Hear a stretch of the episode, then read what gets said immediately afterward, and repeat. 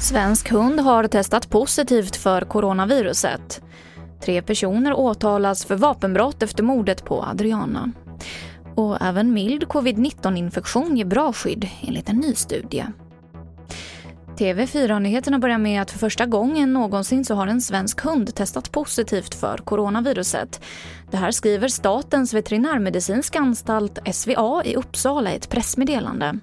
Viruset upptäcktes hos hunden när personer i hundens omgivning blev sjuka i covid-19 och man kan inte fastställa om hunden fört över smittan till någon annan människa. Idag åtalas tre personer för grovt vapenbrott efter mordet på 12-åriga Adriana. Adriana sköts till döds på en bensinstation i Botkyrka söder om Stockholm i augusti förra året. Se Åklagarmyndighetens pressträff klockan 13.00 på tv4.se.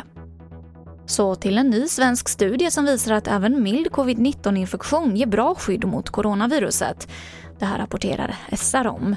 Undersökningen som gjorts vid Danderyds sjukhus visar att personer som haft mild covid-19 hade effektiva antikroppar och då även ett år efter sjukdomen. Och de här antikropparna var också effektiva mot både alfa och deltavarianterna av viruset. Och jag avslutar med att från och med idag så tas ytterligare ett antal covid-restriktioner bort här i Sverige.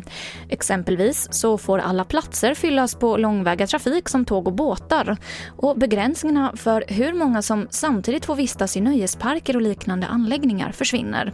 Men trots det så tänker parkerna fortsätta att begränsa antalet besökare av smittskyddsskäl. Den stora och den positiva förändringen för nöjesparker idag det är ju att vi kommer kunna få lasta fullt i våra berg och dalbanor vilket gör att flödena i parken, förhoppningsvis då köerna, minskar. Det sa Magnus Videll som är ordförande i Svenska Nöjesparksföreningen. Och det här var det senaste från TV4 Nyheterna. Jag heter Emily Olsson.